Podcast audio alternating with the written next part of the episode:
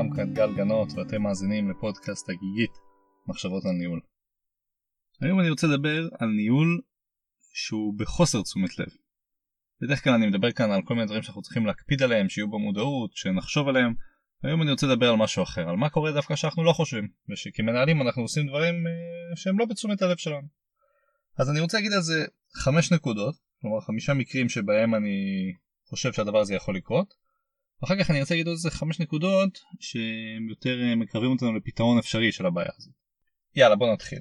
הדבר הראשון שאני רוצה להגיד זה משפט ששמעתי פעם ממפקד 8200 לשעבר שאמר שהוא מוטרד מהביטוי המפקד אמר. כלומר הוא ניסה להסביר שלפעמים אנשים מסוימים מצטטים אותו ומשתמשים בדברים שהוא אמר כדי לגרום לאנשים אחרים לעשות דברים. לצורך העניין מגיע איזשהו מפקד ואומר תראו אנחנו צריכים לעשות את הפעולה הזו ואת המשימה הזו. למה? כי המפקד אמר הוא בעצם מצטט את המפקד של יחידה 8200 עכשיו מפקד 8200 אמר תשמעו יש מקרים שבהם אני באמת חושב על איזשהו משהו מורכב ואני אומר את דעתי וזה מה שאני אומר זו בעצם האמירה שלי ואני רוצה שיפעלו לפי זה. אבל לפעמים תופס אותי איזשהו אה, מישהו כשאני בדרך לשירותים ואני ממהר ללכת לשם והוא אומר לי רגע אבל איזשהו משהו ואז אני נותן לו תשובה ואז הוא רץ ואומר יופי המפקד אמר והוא לוקח את מה שאמרתי לו והוא הופך מזה עכשיו לפרויקטים גדולים וכל מיני משאבים שצריכים לשפוך על איזושהי משימה. הוא אומר אני מאוד מוטרד מזה מהתופעה הזאת של המפקד אמר. עכשיו כשאני לוקח את זה לכאן להיום אז אני אומר לפעמים כמנהל אנשים מצטטים אותך והופכים את זה לאיזושהי משימה למישהו אחר ולפעמים אתה אפילו לא מודע לזה. אחר כך אפשר לדבר על איך להתמודד עם זה אבל הנקודה הראשונה שאני רוצה להגיד זה הנה מקרה שאני ראיתי בעבר שזה קורה הרבה פעמים שאומרים המנהל אמר או המפקד אמר ואחר כך רצים עם זה קדימה בלי שאתה מודע. זו הנקודה הראשונה. נקודה שנייה שאני רוצה לדבר בהקשר לניהול בחוסר תשומת לב זה שאתה מעביר מסרים בצורה לא, לא נכונה או בצורה לא מספיק טובה. וזה קורה כי אנחנו לא מושלמים ואנחנו עושים טעויות. לא תמיד אני מצליח להעביר את המסר בצורה הנכונה ביותר ויש כל מיני דוגמאות מעניינות לזה אני חושב ש... אחת הדוגמאות הכי יפות שאני שמעתי זה מהפודקאסט של אה, ג'יל גייסלר שאני חושב גם דיברתי עליו באחד הפודקאסטים הקודמים שלי והיא מתארת סיטואציה שבה היה איזשהו פרויקט מורכב של הצוות שלה זה היה איזשהו מין uh, מערכת של עיתון והיא הייתה uh, דמות בכירה שם במערכת היה פרויקט שדרש את זה שהעובדים יגיעו מוקדם בבוקר ויעבדו ובגלל הסיפור הזה אז היא אמרה טוב אני רוצה להגיע מוקדם יחד עם האנשים שלי כדי שיראו שאם הם עובדים קשה גם אני עובד קשה ואנחנו כולנו נגיע בבוקר. ולכן אם הם הגיעו לא יודע בשבע בבוקר גם היא הגיעה בשבע בבוקר כל יום במשך כמה ימים. ובאחד הימים אחת העובדות מגיעה אליה ואומרת לה תשמעי אני חייבת להגיד לך אנחנו רואים שאת מגיעה כל בוקר גם כשאנחנו אמורים להגיע אבל גם אם לא תגיע אנחנו נגיע ונעבוד את לא צריכה להגיע כדי לפקח עלינו. והיא לקחה את זה ממש קשה ג'יל גייסלר כי היא אומרת אני באתי כדי להראות להם שאני איתם באש ובמים והם פירשו את זה בצורה של 180 מעלות כאילו אני לא סומכת עליהם. אז uh, הנה דוגמה בעיניי לניהול בחוסר תשומת לב לא בגלל שהיא לא הייתה בתשומת לב ג'יל גסלר אלא בעיקר בגלל שהבינו אותה לא נכון. אמ, והנה עוד דוגמה לאיך אתה יכול לפעמים לעשות משהו ובעצם לייצר פעולה אחרת למרות שאתה בכלל לא רצית בפעולה הזאת. אז זה עוד בעיניי עוד דוגמה לניהול בחוסר תשומת לב או, או ניהול שלא כמו שרצית. זה הנקודה אחרת שאני רוצה לדבר זה על זה שלפעמים יש שיחות שאתה מעביר שבדיעבד שואלים אותך עליהם או מישהו מזכיר לך אותם אתה פשוט לא זוכר את זה. Okay, אתה יכול לפגוש מישהו שהיה עובד שלך או חייל שלך לפני כמה שנים והוא אומר לך תשמע אתה זוכר שדיברנו על זה? אתה אומר לו האמת אני פשוט לא זוכר את זה. כלומר יש דברים שאתה כמנהל לא משקיע בהם את כל כובד המחשבה שלך יכול להיות שבאותו יום היה לך כמה דברים יותר מורכבים יכול להיות שספציפית זה באמת לא היה כזה משהו חשוב אבל בשביל העובד הספציפי שהגיע לדבר איתך אז זה היה חוויה שהוא לא שוכח שנים קדימה.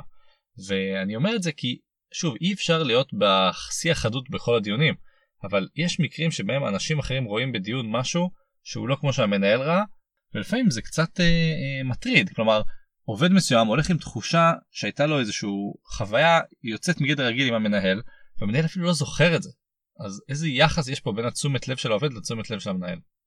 אמרתי עד כאן אה, ארבעה דברים הדבר החמישי שאני רוצה להגיד זה סיפור של הדוגמה האישית. אני חושב שמנהלים נמדדים על מה שהם עושים בכל רגע נתון ולא רק שהם מתכוונים לזה. ויש כל מיני דוגמאות יפות אני חושב שכל מי שהיה בבה"ד 1 מכיר את הסיפור של האם הקצין יכול לחצות מעבר חצייה ברמזור אדום או לא. כי האם החיילים יראו אותך שחצית בור אדום ועכשיו אה, הם יגידו שאתה עובר על החוקים וזה לא קורה בבסיס שאתה מפקד החיילים זה קורה סתם ברחוב. אז אה, קח אותו דבר גם בסביבת העבודה. אם אתה כמנהל הולך ברחוב ואתה אה, רואה לכלוך או יתרה מזאת אתה הולך במשרד ואתה רואה איזשהו משהו שמישהו זרק האם אתה מתכופף להרים את זה וזורק את זה לפח או לא. עכשיו כשאתה משווה את זה לשיחה שעושה המנהל אל מול הצוות שלו ואומר חבר'ה חשוב שנקפיד על שמירת סביבת עבודה נקייה ונעימה. בעיניי אני חושב שיש משמעות גדולה על האם הם רואים אותך עושה את זה או אם אתה אומר להם את זה. וזה קורה בשני הכיוונים. כלומר אתה יכול להגיד כמה שאתה רוצה על זה שצריך לשמור על סביבת העבודה הנקייה אבל אם עכשיו הלכת ואתה ממהר לאיפשהו ואתה רואה לכלוך ואתה מביט עליו ואתה אומר אין לי זמן ואתה רץ קדימה ועובדים ראו אותך עושה את זה זה ניהול בחוסר תשומת לב. כלומר בחוסר תשומת הלב שלך ניהלת והעברת איזשהו מסר על מה חשוב ומה לא חשוב. אז הנה כמה דוגמאות שנתתי לניהול שבעיניי אני קורא לו בחוסר תשומת לב. שאלה מה אפשר לעשות עם הדברים האלה. וכאן אני אנסה להגיד עוד חמישה דברים.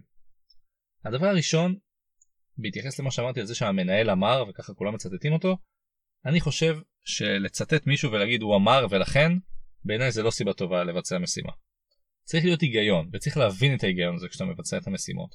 ואני חושב שזו אחריות של המנהלים להעביר את ההיגיון הזה כלפי מטה. וכשמישהו מצטט אותך הוא לא גם צריך להגיד זה מה שהוא אמר אלא למה הוא אמר מה היה ההיגיון שם. עכשיו דיברתי על זה גם בעבר בעיקר בפרק שאני חושב שקשור לחירום שיש מקרים שבהם אתה לא יכול להסביר ולתת את ההיגיון לפחות לא במקום אתה יכול לעשות את זה בדיעבד אבל עדיין באופן כללי אני חושב שהמטרה היא להעביר את המסר ואת ההיגיון ולא לעשות משהו כי מישהו אמר. לעשות משהו כי אתה מבין למה זה קרה ואם אתה לא מבין אז תשאל. ובעיניי זה הדבר הראשון אם יש לך היגיון ואתה מבין מה קרה כאן אני חושב שזה פותר חלק משמעותי ופשוט לעשות משהו כי מישהו אמר ולא יודע אם הוא התכוון לזה או לא התכוון לזה אתה צריך להבין את ההיגיון מאחורי הסיבה. זהו זו הנקודה הראשונה. נקודה שנייה שקשורה להתנהלות של המנהל החל מהדוגמה האישית שלו וכאלה בכל מיני מסרים אחרים הוא מרוכז יותר או פחות אני חושב שלכל מנהל ראוי שיהיה נורמות גם נורמות ניהוליות וגם נורמות כבן אדם מה חשוב לך ועל פי מה אתה מתנהל ולא להיות אה, אה, לעשות איפה ואיפה אל מול חיילים או עובדים ואל בחיים האישיים כי בסופו של דבר יתפסו אותך כשאתה לא בתשומת הלב המרבית שלך. ולכן אם כבן אדם אתה מתנהל בצורה מסוימת ואתה גאה באיך שאתה מתנהל, אתה לא צריך לחשוש במצב שיראו אותך בנקודה שאתה לא מנהל. עכשיו זה בסדר להיות הרבה יותר פתוח במקרים שאתה לא עם העובדים שלך וזה לגיטימי, לא חייבים תמיד להיות ככה באיזשהו דיסטנס צבאי כזה. אבל עדיין, אם אתה עושה דברים שאתה מתבייש בהם, צא מנקודת הנחה שיום יבוא וזה יגיע וזה יתברר. ולכן אני חושב שלא צריך לעשות דברים שאתה מתבייש בהם, אתה צריך לעשות את הדברים כמו שאתה מאמין, ואתה צריך לא לפחד מזה שאנשים יגלו עליך כל מיני דברים, צריך להיות כן ואמיתי עם עצמך ובהקשר הזה נחשוב על הנורמות שבהם אתה רוצה להתנהל ולא לעשות דברים כי מאז ככה עשית מאז ומעולם. עכשיו כמנהל אתה יש לך סטנדרט יותר גבוה ואתה צריך להבין שאם אתה תפעל בצורה מסוימת זה עלול להתגלות וזה ישפיע על איך שאנשים יראו אותך. אז זו הנקודה השנייה שאני רוצה להתייחס לנורמות. הדבר השלישי אני חושב שזה ממש לגיטימי להתנצל ולהסביר את עצמך מחדש וגם להגיד שמע לא הייתי כל כך טוב בשיחה עכשיו לא הצלחתי להעביר את המסר מספיק טוב אני רוצה להגיד את זה עוד פעם. או להתנצל פשוט תשמעו חבר'ה אני יודע שעשיתי משהו בדיעבד לא עשיתי את זה במספיק תשומת לב אני מתנצל הייתי רוצה לעשות את זה עוד פעם. אני חושב שהיכולת של המנהל להתנצל גם כלפי הכפופים אליו היא חוזקה ולא חולשה שלפעמים זה נתפס כחולשה.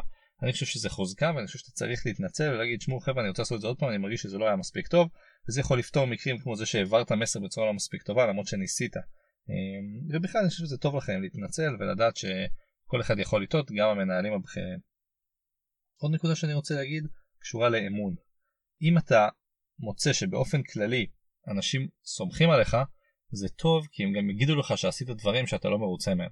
ולפעמים אתה לא יודע את זה. לצורך העניין, מישהו עכשיו ביצע משימה כי אתה אה, צוטטת כמישהו שאמר לעשות את זה, ובא אליך אחד העובדים ואומר לך, תשמע, עשיתי את המשימה הזאת כי הבנתי שאתה הנחית, אבל זה נשמע לי משהו מוזר.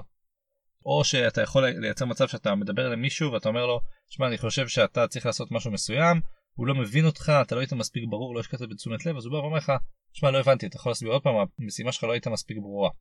אני חושב שאמון כזה שאתה מייצר עם העובדים יעזור לך להצביע על מקומות שבהם לא היית בשיאך, ואז יוכל לעזור לך להשתפר יותר, וכן לנסות לתקן במקרים שלא היית בשיא יכולת אה, ותשומת הלב שלך. הנקודה האחרונה שאני רוצה להגיד זה שבסופו של דבר אי אפשר להיות תמיד בתשומת לב. זה, זה לא אפשרי, זה לא אנושי, זה מאוד מאוד קשה. ואני חושב שאנחנו צריכים להבין את זה, אנחנו צריכים לדעת שאנחנו נעשה טעויות ואנחנו נצטרך להתנצל על הטעויות האלה ואנחנו צריכים בגדול לעשות הכי טוב שאנחנו יכולים, לא להיות הכי מדהימים תמיד, כי זה בלתי אפשרי וזה סתם ייצור תסכולים. וההבנה הזאת של אני מנסה לעשות מה שאני יכול על הצורה הכי טובה, היא בעיניי צעד גדול להבין שאני אעשה מתישהו את הטעויות עם חוסר תשומת הלב ואני צריך להיות מודע לזה שזה יקרה. אז אני יודע שהתחלתי את הפודקאסט הזה בזה שאנחנו לא תמיד יכולים להיות מודעים, לפחות אנחנו יכולים להיות מודעים לזה שאנחנו לא תמיד יכולים להיות מודעים. וגם אם זה משפט שהוא קצת אה, tricky, אני חושב שאנחנו כמנהלים בטוח ניתפס בנקודות שבהם אנחנו לא נהיה בשיא כוחנו ובשיא תשומת הלב שלנו, אבל אם נפעל על פי איזשהו נורמות מסוימות, ואם נוכל להעביר לאנשינו את האמון שלנו בהם ונרצה את האמון הזה שלהם בחזרה, כמו גם היכולת להתנצל, אני חושב שהדברים האלה יכולים מאוד לעזור, ובסופו של דבר, גם דיברתי על דוגמה אישית מקודם, דוגמה אישית יכולה לבוא לשני הכיוונים. ואם אני גם בחוסר תשומת הלב עושה דברים שבסופו של דבר אני לא מתבייש בהם, אני חושב שזה אה, שיטה טובה לנסות למנוע את הבעיות האלה. אה, אולי אני אסכם במשהו ששמעתי את אה, לברון ג'יימס, שחקנה של לוס אנג'לס לייקרס, אנחנו היום בשנת 2020, בדיוק הלייקרס לקחו את האליפות ה-NBA, שמעתי אותו מתראיין לפני כמה שבועות ושאלו אותו שאלה על מנהיגות, ושאלו אותו איך המנהיגות שלו באה לידי ביטוי במגרש.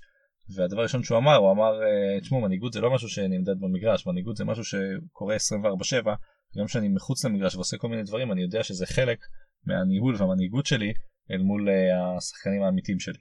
אה, ואני חושב שזה משפט מאוד יפה שמנהיגות וניהול זה לא משהו שאתה יכול להגיד הנה נכנסתי למשרד אני עכשיו עושה את זה אלא גם ברגעים שאתה לא מרוכז ושאתה לא בתשומת הלב שלך ושאתה בכלל לא במקום העבודה שלך אתה עדיין איזושהי דמות שיש לה יכולת ואחריות ואני חושב שהסיפור הזה של החוסר תשומת לב הוא חלק אינטגרלי מחייו של המנהל וזה לא פשוט אבל אני חושב שזה האתגר במה שאנחנו מנסים לעשות. זהו, תודה לכולם, מקווה שזה יעזור, וכרגיל, אשמח לשמוע שאלות, בקשות, הערות, הסכמות ואי הסכמות. אתם יכולים לפנות אליי דרך האתר הגיגית.co.il ולחפש את ההגיגית וגל גנות בגוגל, זה יביא אתכם לאתר. תודה רבה לכם והמשך הזמן נעימה.